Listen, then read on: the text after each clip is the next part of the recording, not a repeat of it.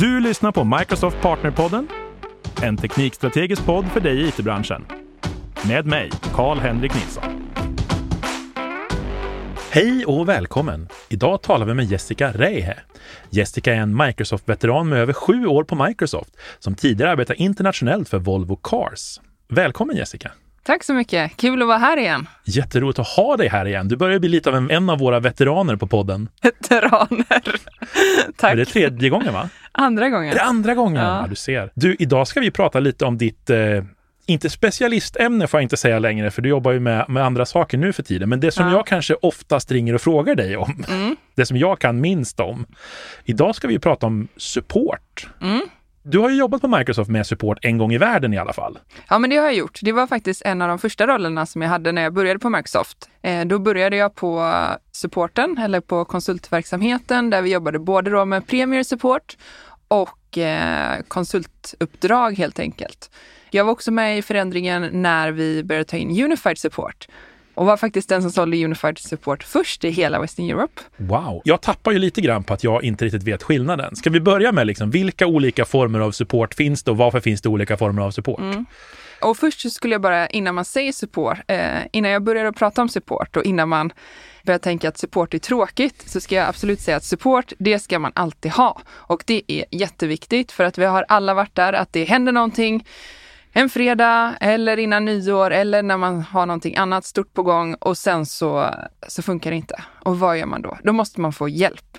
Men då för att få hjälp på Microsoft så förutom att man ska få panik och ringa alla som man känner så finns det ju faktiskt strategiska kanaler som man kan använda sig för.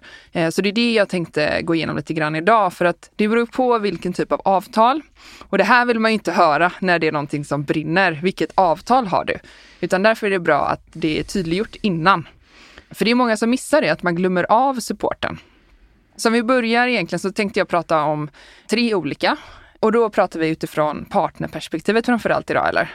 Det tänker jag väl. Det är ju Microsoft Partnerpodden, så ja. varför inte prata utifrån partnerperspektivet? Och kan vi nämna lite kundnytta så gör väl inte det någonting mm. för våra kära kunder där ute? Ja, för att eh, många av de avtalen som vi har, de har ju riktat sig framförallt mot våra kunder. Eh, men det finns ju också för partners. Så det var mer från det perspektivet. Men som partner, så, så sist jag var här så nämnde jag ju Partnercenter som är sidan där man går in och kollar vad man har. Och när man är partner med Microsoft så ingår det en rad olika grejer och det finns under förmånerna. Gå in i Partner Center och kolla vad du har och där har du oftast då lite reaktiv support för Azure om du använder dig av Azure. Du kan ha lite för Dynamics till exempel. Gå in och kolla där då. Vad har du för reaktiv support? Och då brukar det vara ett visst antal case som du kan lägga per år. Många vet inte om det här, men det finns. Gå in och kolla där. Och sen så finns det också någonting som heter proaktiv support. Och det brukar också de flesta ha som de inte vet om. Och det här är också en gömd skatt. Men vänta nu, varför mm. vet man inte om det? För att support brukar oftast dyka upp när det är någonting som krisar. Men ah. om, man, om man tar det från början så kan ju support vara att man jobbar mer som en eh, livscykelhantering. Så man kan jobba både reaktivt och proaktivt. När jag jobbade med support väldigt aktivt så var det många som såg då support eh, som en försäkring Eh, och det är det ju delvis, men support är också mycket man gör när det inte brinner. Och det är ju det man oftast vill hamna i. Man vill ju inte vara i det här stressmomentet och släcka bränder, utan man vill ju eh, vara så proaktiv som möjligt. Och det som finns då i Partner Center, det är advisory support. Och då kan man lägga in frågor, till exempel hur gör jag det här? Jag har tänkt det här. Är det här enligt best practice? Den typen av frågor. Och det är ju egentligen inte att det brinner, utan då är det ju någonting man vill förebygga. Så man ska göra någon typ av aktivitet, lägg in en fråga, för det brukar finnas eh, där. Så använd dig av dem. Och det ingår ju då, så det är ingenting man betalar för. Eh, och det är ju liksom den grundläggande supporten. Men eh, om man är ett partnerbolag eh, och eh, som, som vi, när jag var sist här så berättade jag att jag jobbar med våra ISVR, alltså de som bygger IP på Azure. Och då är det ju väldigt viktigt att man har ett ordentligt supportavtal för att man oftast jobbar med större kunder. Eh, och om någonting händer, då finns det två stycken olika avtal. Det ena avtalet heter Advanced Support for Partners. Eh, det är ett avtal eh, som är ett år i taget. Man kan säga upp det då om man inte vill ha det längre eller så kan man teckna. Och det är bara att gå in och söka på Advanced Support for Partners och så klickar man i där om man skulle vilja ha det. Och det är fortfarande kvar i Partner Center nu? Nu kan du bara söka random på webben. Eh, då kommer det upp på det. Kanske vi kan lägga en länk till och med i ja. det här avsnittet. Det kan vi göra. Så nu har jag alltså tagit steg ett. Det är det som finns i partnerportalen. Det är steg ett och det ingår, ingenting extra. Sen har vi då Advanced Support for Partners. Det här är steg två, eller den som är lite mer. Och nu börjar det kosta pengar? Ja, nu kostar det pengar. Men eh, frågan är också vad som kostar pengar mest om någonting står still och man verkligen behöver hjälp. Och då är det viktigt att man har tänkt efter och att man har gjort ett aktivt val. Vilken support är tillräckligt för oss? Man behöver inte ha de största avtalen om man inte använder det aktivt. Så om vi går in då på Advanced Support for Partners så finns det tre olika delar. En del, det handlar om reaktivt. Återigen, när någonting brinner, då vill man ha den bästa supporten. Då får man svar inom en timma, så det är ett SLA på en timma. Eh, det är ju vårt uppskattat SLA, så vi har inga straffavgifter om vi inte skulle uppfylla det. Men ofta så brukar vi ju svara inom en timma. Och då är det viktigt att man ringer om det är, om det är kritiskt, för att man själv som partner väljer då eh, vilken nivå är man på? Hur kritiskt är det här? Är det någonting som som brinner eller är det någonting som, eh, ja, som inte är lika kritiskt? För det man ska veta då när man lägger ett reaktivt case Eh, och förväntar sig att vi ska jobba med det här 24-7 från oss på Microsoft, då får man också vara beredd på att jobba från partners perspektiv också, så att man är beredd på att ha calls, man är beredd på att svara eh, och så vidare. Och det här är nu bara reaktivt som vi pratar om och man väljer då själv hur allvarligt caset är. Sen har vi en del som är egentligen eh, account management kallas det. Den formen skiljer sig lite från år till år och det förbättras och anpassas efter våra marknad och våra kunder och sådär. Men då är det en person som jobbar med en eh, under hela året, ser till att man använder supporten på rätt sätt. Om det är någonting som krisar, då vet man okej, okay, men den här personen, de har koll på oss, de vet hur vi fungerar, de vet våra utmaningar och den kan man alltid då kontakta och få hjälp med eskalering. Sen har vi också en stor del som är proaktiv support. Återigen, vi går tillbaka till de här tre delarna. Eh, det är reaktivt, det är proaktivt och det är account management. Så proaktivt då, där finns det en rad olika aktiviteter som man kanske inte har så mycket nära samarbete med, eh, samarbete med Microsoft på andra sätt. Då kan man använda sig av den här proaktiva delen. Och det skulle kunna eh, vara workshop, att man vill eh, gå igenom något ämne. Eh, man funderar på hur ska vi Eh, hur ska vi göra det här på ett bättre sätt? Hur ska vi optimera? Hur kan vi ja, få ut mer av vår lösning till exempelvis? Kodgranskning i DevOps, ja. tredjepartsanalyser och sådana här ja. grejer. Exakt, så det kan man få hjälp med. Och det finns också någonting som heter Cloud Consultant och då är det en, en person då som kommer ut digitalt och hjälper till med ett specifikt område. Eh, så där de här proaktiva tjänsterna de är väldigt bra. Så det är viktigt att man känner till att det finns ju, förutom den här försäkringsdelen om någonting händer, så finns det också väldigt bra strategier hur man kan jobba mer proaktivt. Så att man inte hamnar i de här momenten när allting är kris och panik. Så det är många som glömmer av att det faktiskt finns de här proaktiva delarna för att man tänker att det gör man själv eller det tar vi sen. Men det är viktigt att göra det i tid jag vet inte hur många gånger jag har pratat med bolag som aldrig testar sina backuper, mm. som inte har lastbalansering, inte kan sätta upp nya miljöer om någonting mm. går ner. Det finns ju massor med grejer man kan göra där. Mm. Och det kan man alltså få hjälp med via de här kanalerna? Ja, exakt. Och speciellt nu när vi pratar om säkerhet och compliance och så vidare, då finns det jättebra aktiviteter som man kan göra där. Ja, så det här är ju då eh, Advanced Support for Partners som vi lägger då länk. Eh, det är en del. Och sen så har vi en annan del eh, som heter Unified Support. Och Unified Support, det är ju det nya eh, supportalternativet för våra större kunder. Och där är det ju helt enkelt så att det här är det ja, det bästa, den bästa supporten som vi har. Och då om någonting skulle brinna så finns det alternativ till exempel att man får svar på 15 minuter. Så det här är ju någonting som våra största kunder har. Och då jobbar man ju med ett team av teknisk personal som hjälper en under ett eller flera år. Och där finns det på samma sätt att man har en person som är ansvarig för supporten.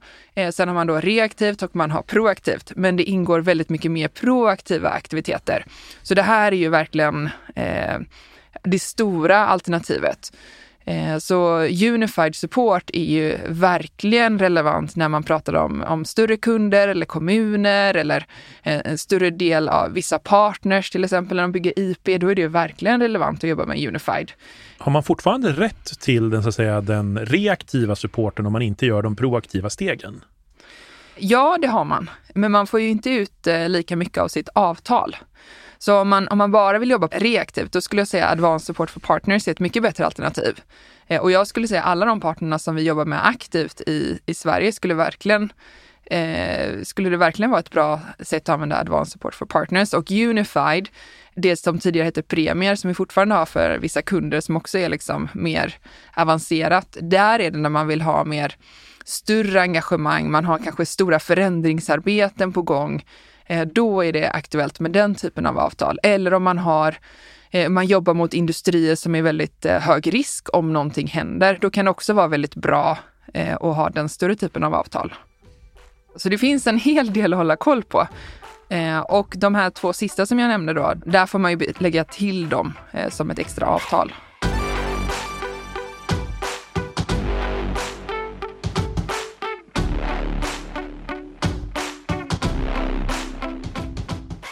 Och nu lyssnar man på den här podden och då kanske man snarare mm. säger, jag tror inte man får alla svar man behöver, utan man kanske blir lite fundersam mm. på att okej, okay, jag kanske borde ha support. Finns det något vettigt ställe att faktiskt vända sig till om man känner att jag vill ha hjälp? Mm. Vad ska jag ha för supportavtal? Ja, eh, först skulle jag säga om man tänker så här, eh, behöver jag support? Ja, det behöver du. Så då är det att gå in på Advanced Support for Partners och där kan man ju aktivt se då vad är det exakt som ingår? Vad är kostnaden? Eh, och så kan man ju utvärdera, är det här tillräckligt för oss? För Advanced Support for Partners, det gäller ju framförallt eh, bara cloud. Så då täcker vi ju inte on-prem till exempel.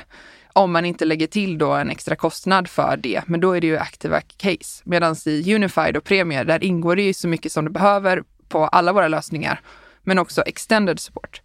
Så då skulle jag gå in och börja kolla på Advanced Support for Partners, gå in och kolla där. Eh, räcker det? skicka in en ansökan så får du hjälp. Liksom. Ja, precis, för då får man prata med någon mm. som liksom hjälper dig att gå igenom. Ja, men har du tänkt mm. på det här? Har du tänkt på mm. det här? För jag tror, att, jag tror att det är många som skulle vilja göra det för att mm. komma underfund med det här. Mm. Ja, men precis. Och sen så finns det ju väldigt mycket material om man bara söker mm. på, på namnen. Nu har vi pratat väldigt mycket om Alltså typ att du kan få hjälp om du krånglar med din tekniska mm. plattform eller du kan få hjälp att göra saker kanske med DevOps och mm. grejer. Men det finns ju mycket mer också som inkluderas i det här, eller hur? Mm. Det är väl allt ifrån Office 365, Dynamics, Power Platform, IT-säkerhet till och med va? Mm. Ja men eh, det, det täcker alla våra produkter och tjänster. Unified och Premier gör det. Medans eh, eh, Advanced Support for Partners som jag sa, där är det ju cloud. Så alla våra cloudtjänster. Och sen kan du köpa till då on-prem mm. case. Låt oss ta ett hypotetiskt case. Jag har Premier Support eller Unified Support mm. och så blir jag hackad. Mm. Kan jag även få hjälp då med, med olika saker om ja. mitigering och så vidare? Ja, absolut. Eh, och då finns det ju olika typer, om man går in ännu mer på den reaktiva supporten.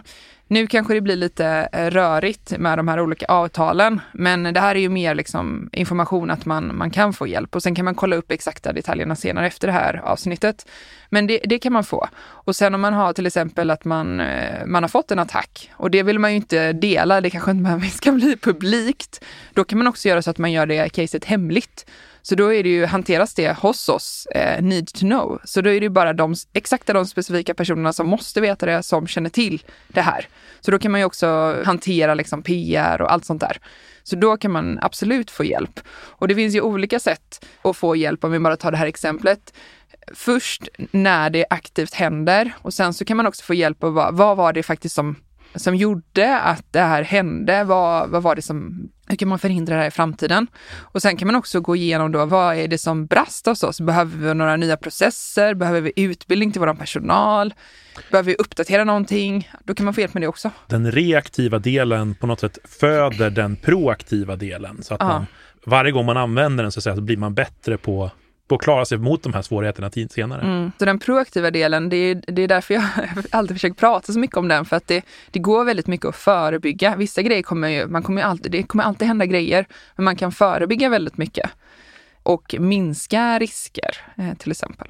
Det där är någonting som inte vi kan säga nog många gånger. För alltså allt ifrån hur man bygger sin arkitektur, hur man mm. sätter upp sina system, hur man jobbar med sin personal, mm. identitet. Jag menar, det finns så mycket grejer som bara går att göra på ett bra sätt och så minskar man liksom risken med så mycket.